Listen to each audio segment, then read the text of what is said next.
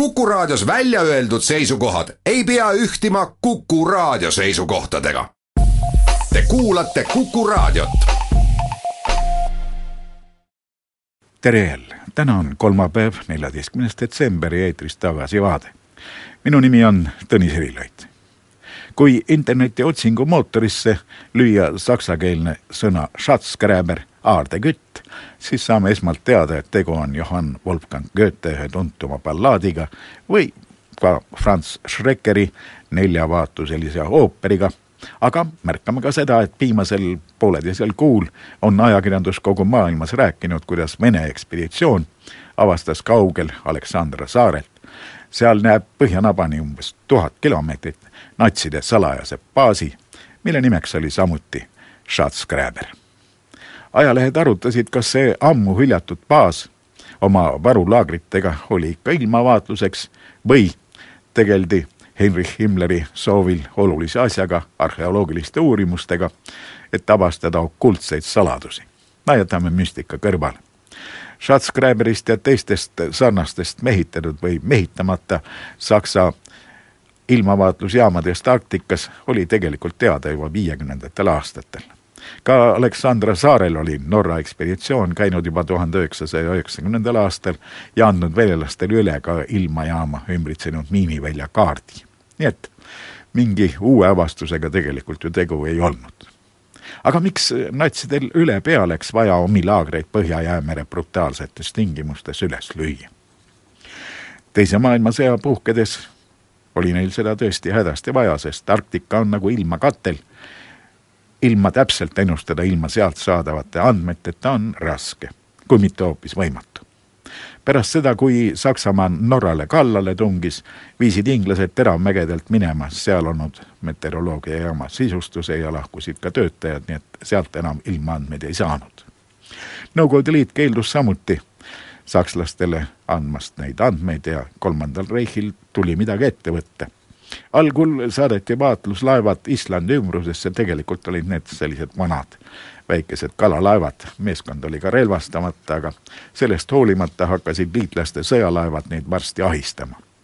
see programm jäeti siis katki ja rajati inglaste poolt minema toimetatud ilmajaama asemel Teravmägedele oma jaam ja mereveejaam pisut kaugemale Lilliöök Fordi.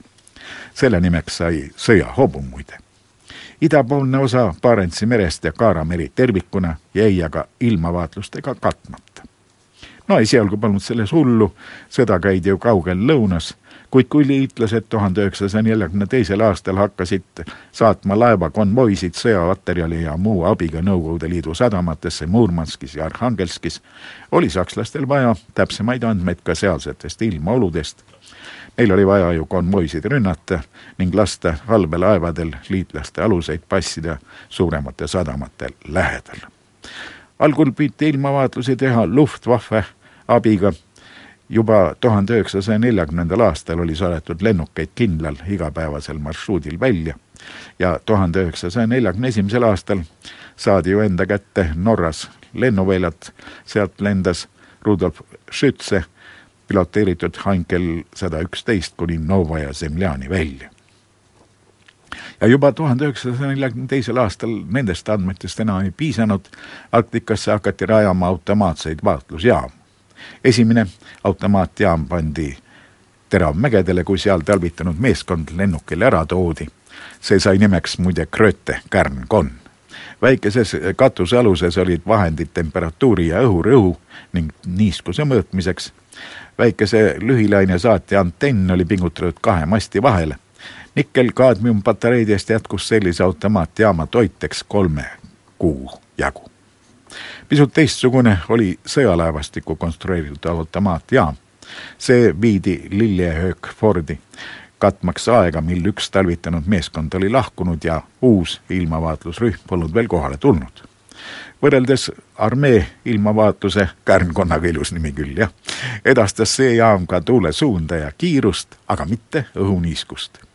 see jaam oli silindrikujulises konteineris, mida oli kerge transportida ja paigaldada allveelaeva pardalt. kui need jaamad olid paigas, lendas Rudolf Schütze oma Henkeliga jälle välja, et uurida võimalusi paigaldada automaatjaam ka Novaja Zemlja kanti kahekümnendal juulil tuhat üheksasada nelikümmend kaks maanduski ta Novaja Zemlja väiksemal satelliidil Mestušarja saarel, aga nii õnnetult, et rattad jäid liiva kinni. appi tulnud lennuk tõi puuplanke, mille abil pärast tublit higistamist Heinkel jälle õhku tõusta võis. automaatjaam jäi toona siiski paigaldamata ja ilmauuringuks jätkati kaks korda nädalas lende Novaja Zemlja kohale. no lõpuks jõuti ka automaatjaama paigaldamiseni, aga venelased olid juba tähele pannud, et mingid sakslaste lennukid seal ringi saalivad. Nende patrulllennukid olid õhus ja automaatjaam võeti kiiresti ära. automaatjaam suudeti panna ainult Karusaarele, sinna tulid esmalt langevarjurid alla heita, et maandumisrada valmistada. aga see oli ikkagi kõik vähemasti ebamugav.